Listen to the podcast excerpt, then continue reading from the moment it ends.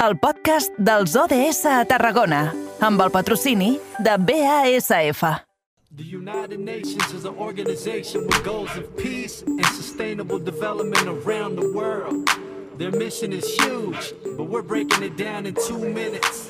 17 sustainable Les 6 i 6 de la tarda, hora perfecta per aturar-nos als estudis de BX Ràdio. Allí tenim el nostre company Eric Rosique. Eric, bona tarda, bon dimarts. Bona tarda, Edu, molt bon dimarts.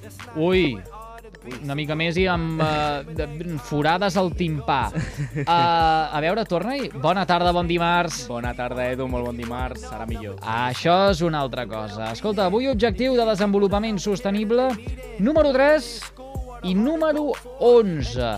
Salut i benestar i ciutats i comunitats sostenibles. A veure, uh, tot això com enllaça, tot això com es fusiona. Exacte, hem de fusionar aquests dos objectius de desenvolupament sostenible, el 3 i l'11, perquè avui parlem d'un taller que es va celebrar aquest cap de setmana a Torredembarra eh, i que n'aprofunditzarem sobre aquesta qüestió que s'anomena els líquens, els bioindicadors de la qualitat de l'aire, que es va celebrar, com diem, a la plaça del Castell a Torredembarra aquest dissabte per parlar sobre aquesta qüestió eh, dels líquens com a agents eh, per millorar la qualitat de l'aire eh, com a bioindicadors. Eh, per parlar tot plegat d'aquesta acció sobre el taller que es va celebrar, ho fem amb Víctor Álvarez, coordinador del GT Ecologistes en Acció al Camp de Tarragona. Víctor, molt bona tarda i benvingut a l'espai dels ODS del Camp de Tarragona de les ràdios de la xarxa. Hola, bona tarda i gràcies per la invitació. Escolta, Víctor, en primer lloc, preguntar-te a grans eh, com va ser aquesta xerrada a Torre d'Embarra. Suposo que satisfets no?, de poder divulgar aquesta, eh, aquesta tasca que feu i sobretot de divulgar ciència i sobretot la qualitat de l'aire. Sí, exacte, estem molt contents, doncs hem de partir de, del punt d'inici, no? que la qualitat de l'aire, avui en dia ens trobem davant una problemàtica molt actual. La, la ciutadania poquet a poquet va agafant consciència sobre aquest mal que és difícil combatre'l, doncs és un mal que no veiem, no? no és visible. I llavors sembla ser que allò que no veiem no succeeix, i la realitat no és aquesta. I per poder veure aquesta realitat, no? com bé has dit, eh, aquí trobem de forma natural uns bioindicadors que serien els líquens. Mm -hmm. De fet, eh, els hem ajuntat, no? el de salut i benestar i de ciutats i comunitats sostenibles perquè van molt de la mà, perquè allò que respirem és la salut i el benestar de les persones i les ciutats i comunitats sostenibles s'han de fer de, per tenir-ho present pels ODS. Sí, exacte. Uh, és, és molt important, doncs, uh, per, com bé dius, per, entre la salut no? i tot està directament relacionat, doncs, uh, els nuclis urbans de ciutats sostenibles que diguéssim podrien ser un dels principals focus d'aquestes emissions uh, de contaminants. Quan parlem de la qualitat de l'aire, molt important diferenciar dos conceptes principalment, que serien les emissions i les emissions. No? Quan parlem de les emissions ens referim a aquells focus, a, a aquells punts d'emissió de, de, de contaminants, no? de partícules contaminants a, a l'exterior, els quals aquests quedarien doncs, en l'aire, no? dins del planeta Terra. Mm -hmm. Sent conscients que per molt extens que ens sembli l'aire, no? l'espai, eh, el planeta Terra és que diguéssim és com una esfera tancada i tota aquella contaminació que anem produint es va guardant no? dins de la Terra. Mm -hmm. I després aquesta contaminació que es troba en el medi ambient de, uh, que s'emet a la natura, no? principalment, per exemple, podrien ser durant efectes de combustió, de motors principalment, després aquests contaminants eh, es van concentrant eh, al medi, no? I aquesta concentració, que diríem, eh, és la que ens acaba afectant a nosaltres, que aquí serien les emissions, no? És a dir, d'aquells contaminants que s'han emès a l'exterior, quins nosaltres com a persones o, o, o, la, o la flora, que diguéssim, acabem mm. menjant, acabem respirant, no? Quina quantitat ens arriba, en quina mesura, si és el contaminant que potser fem al carrer o no, és, és molt important, no?, perquè a vegades pensem que la contaminació només ens afecta si estem al costat, i mm. no té per què. A vegades els focus de les emissions poden ser en una zona i que la emissió i el dany es produeixen en una altra. I un exemple molt clar que hi ha bastants estudis, per exemple, seria en el cas de Barcelona ciutat i al centre de Barcelona, no?, on es produeix una gran contaminació pel, també per la concentració de, de ciutadania que té en aquella mm. zona, però una de les grans zones afectades és la plena de Vic, quan mm. dius, ostres, els que pateixen aquesta contaminació no són les persones que es troben al voltant d'aquests focus d'emissió, no?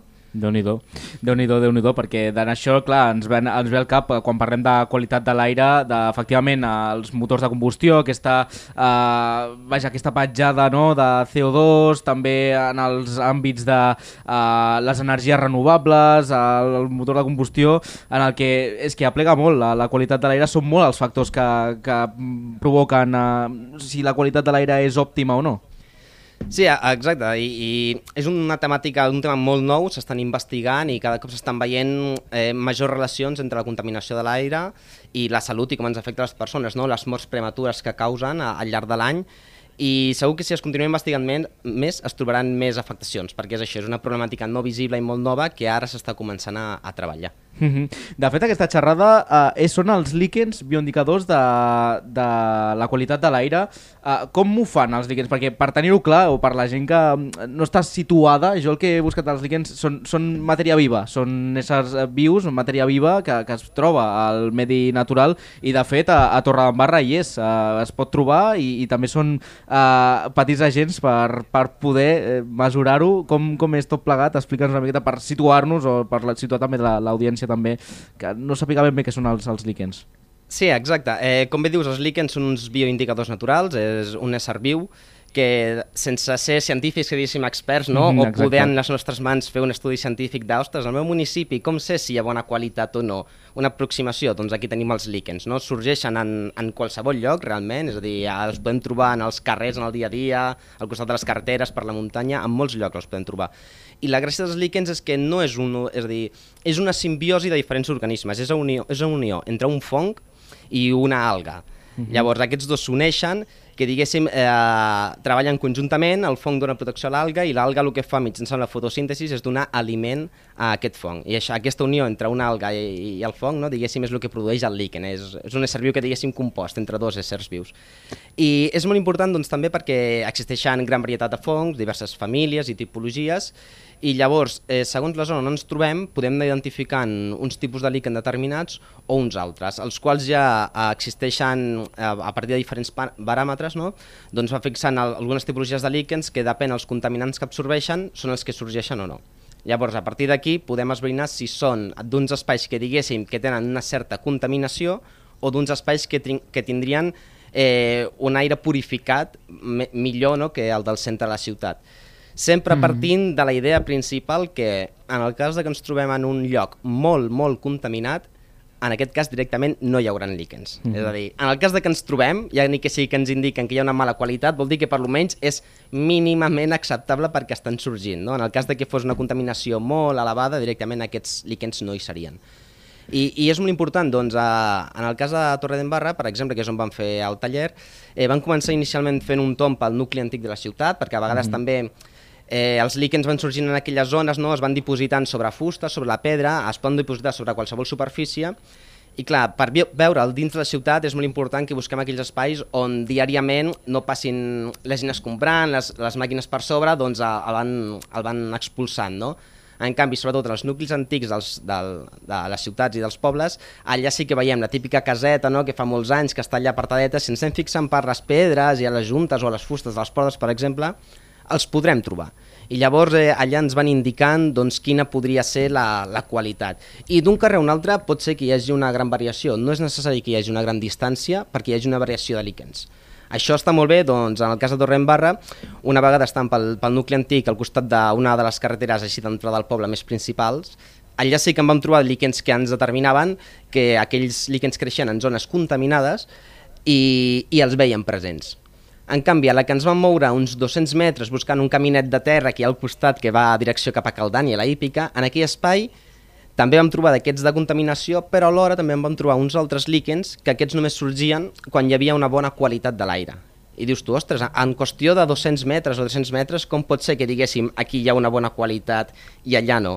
És molt senzill, l'efecte del, dels, eh, dels vehicles motoritzats, per exemple, això és el, la, la clau.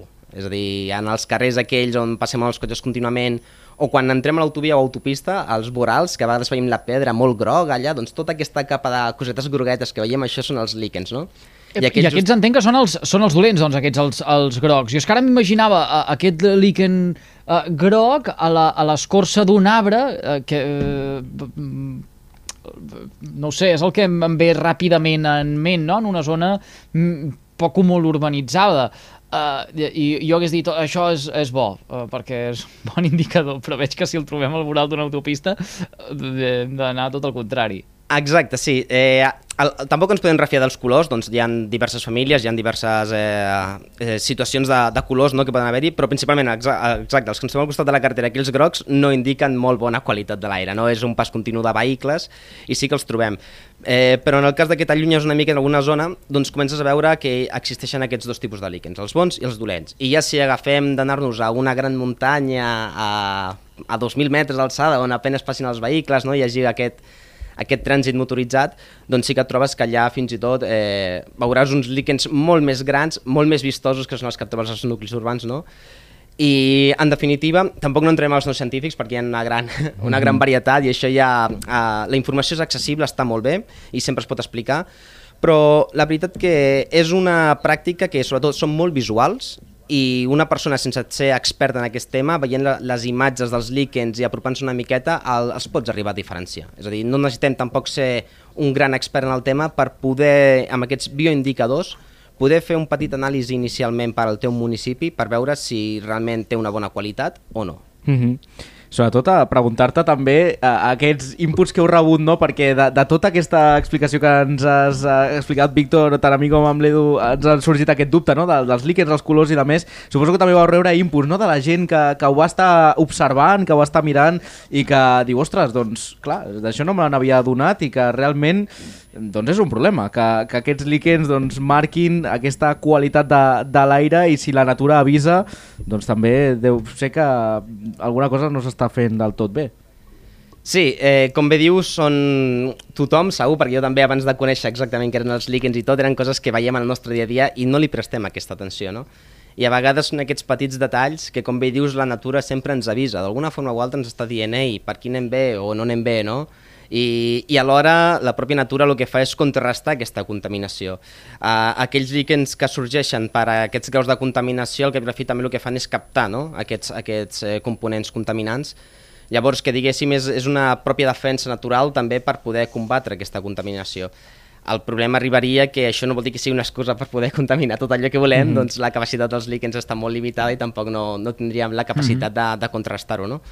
Però sí que són detalls que no ens hi fixem i en tant Tarragona, Torredembarra, Barcelona i fins a petits pobles o, o perduts per la muntanya sempre en trobem i, i és molt divertit. És endinsar-se inicialment, també hi ha unes fitxes per internet molt visuals en què també t'expliquen, et diu, ostres, doncs mira, aquests líquens són ser més normals en zones de ciutat, on hi ha una major contaminació, o aquests líquens són més de zones d'alta muntanya, on la contaminació no és tan gran. I, i està bé perquè és això, és, eh, tens les fitxes, les imatges i pots anar tu mateix comprovant, sense ser expert, quina és aquesta qualitat i pots fer una petita, eh, un petit resum, un, un petit estudi sobre el teu municipi a veure amb quina és aquesta qualitat. No?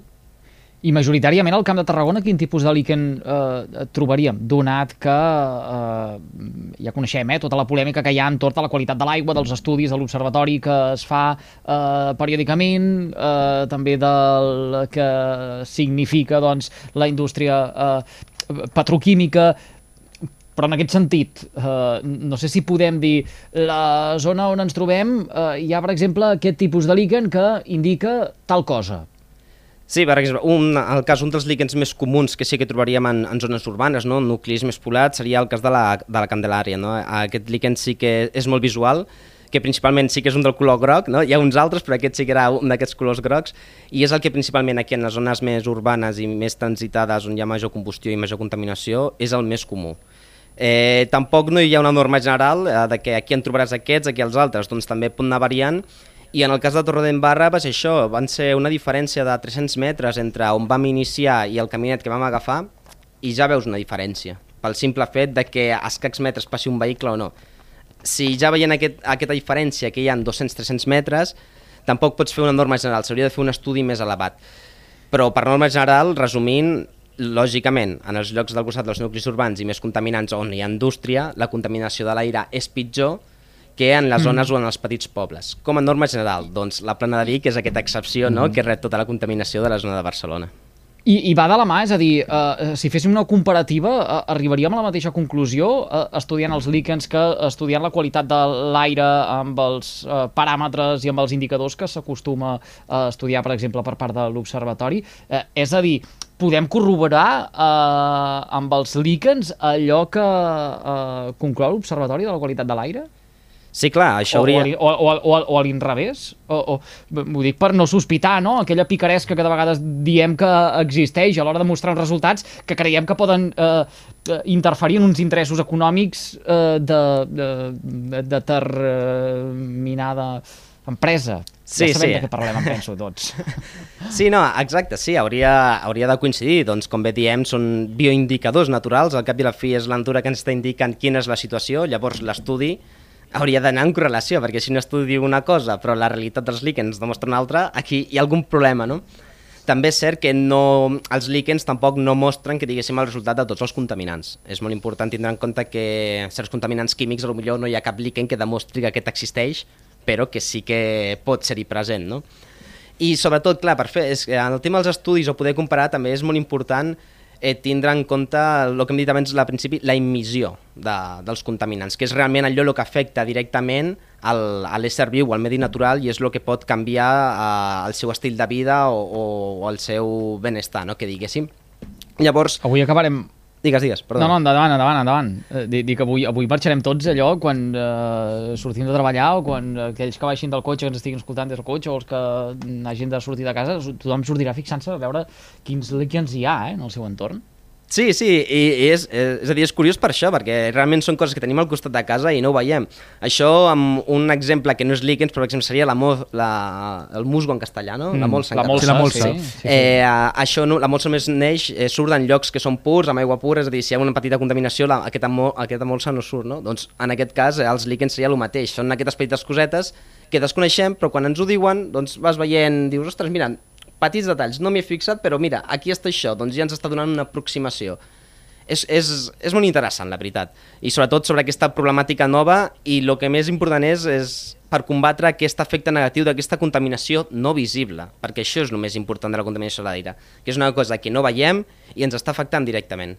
I hem de ser conscients i hem de prendre les eines i les mesures adequades per ser coneixedors de quin és l'ambient on ens trobem. I en aquest cas els líquens eh, ens serveixen, és un gran ajut per poder-ho conèixer. Molt interessant, t'agraïm moltíssim. Víctor Álvarez, coordinador de GT Ecologistes en Acció, que un cop més ens hagis fet confiança i hagis compartit aquests minutets en directe al carrer Major de la Ràdio de la xarxa al camp de Tarragona. Uh, no ho sé, ara llenço una d'aquelles idees de vegades esbojarrades, eh? Uh, fotografies uh, i etiqueta Coixinet Carrer Major o, o havia anomenar alguna de les vuit emissores que fa possible el programa i no ho sé, d'aquí uh, uns dies tornem a parlar amb en Víctor Álvarez, uh, ho posem en comú, compartim tot això i estudiem una miqueta la tipologia de líquens que hem pogut trobar uh, en uh, les nostres uh, poblacions. Podríem mirar de fer aquest experiment. Nosaltres agafem el compromís de que si rebem prous uh, imatges tornem a trucar al Víctor uh, i les posem sobre la taula. Jo estic a la vostra disposició. Moltíssimes gràcies. Que vagi molt bé. A reveure. A vosaltres, moltes gràcies. Arriba l'hora de resoldre